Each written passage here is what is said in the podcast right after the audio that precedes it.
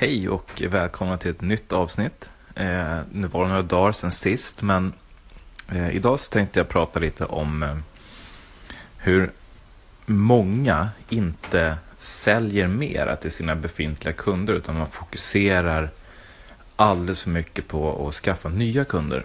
Och det här är någonting som man ser även stora företag göra. Eh, för att det är mycket, mycket svårare att, att skaffa en ny kund än att sälja mera till en redan befintlig kund. Eh, och i vissa fall så kan det säkert vara så att man kanske inte har att man kanske inte har tänkt på det så, utan man har sin produkt eller sin tjänst och that's it. Sen så tänker man så här, men den kunden nu har köpt, han eller hon har köpt den här produkten eller tjänsten och eh, ja, nu måste jag hitta en ny kund som vill köpa min, min tjänst. Eh, istället då så kan man titta på den produkten eller tjänsten man har och kolla om finns det någonting som jag kan göra för att skapa ytterligare en produkt eller tjänst.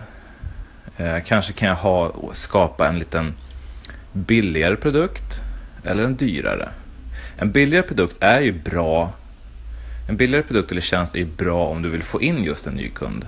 Men om du vill sälja mer till samma kund flera gånger så är det bra om man då kanske vrider om den här tjänsten lite mer och skapar någonting som bygger på det som de tidigare har köpt och som då blir som ett mervärde.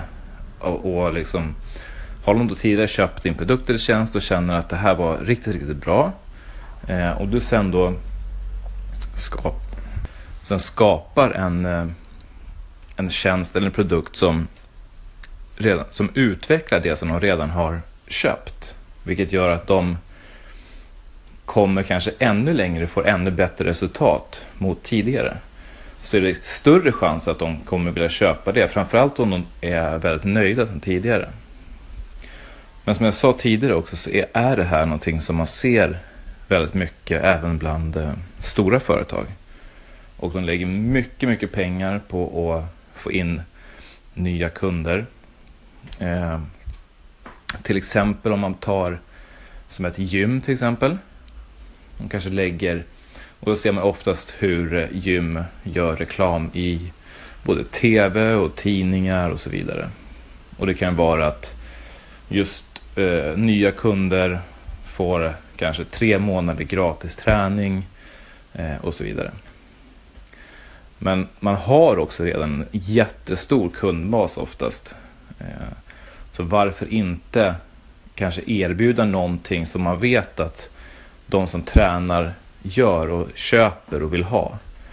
Och det kan vara då till exempel eh, kosttillskott. Många som tränar går och köper kosttillskott. Eh, så varför inte erbjuda ett medlemskap där det ingår kosttillskott till en bra peng? Och jag menar, de har ju då också i sin tur en möjlighet att gå till stora företag som säljer kosttillskott och säkerligen få bra priser vilket kan resultera i att de också kan erbjuda den här typen av tjänst till sina befintliga medlemmar. Eh, så att eh, det finns jättemånga sätt att titta på. Så sitt ner och kolla liksom på hur, din, hur ditt företag ser ut. Vad du kan göra för att sälja mera till dina befintliga kunder. Ehm, och sen självklart så vill man ha in nya kunder också.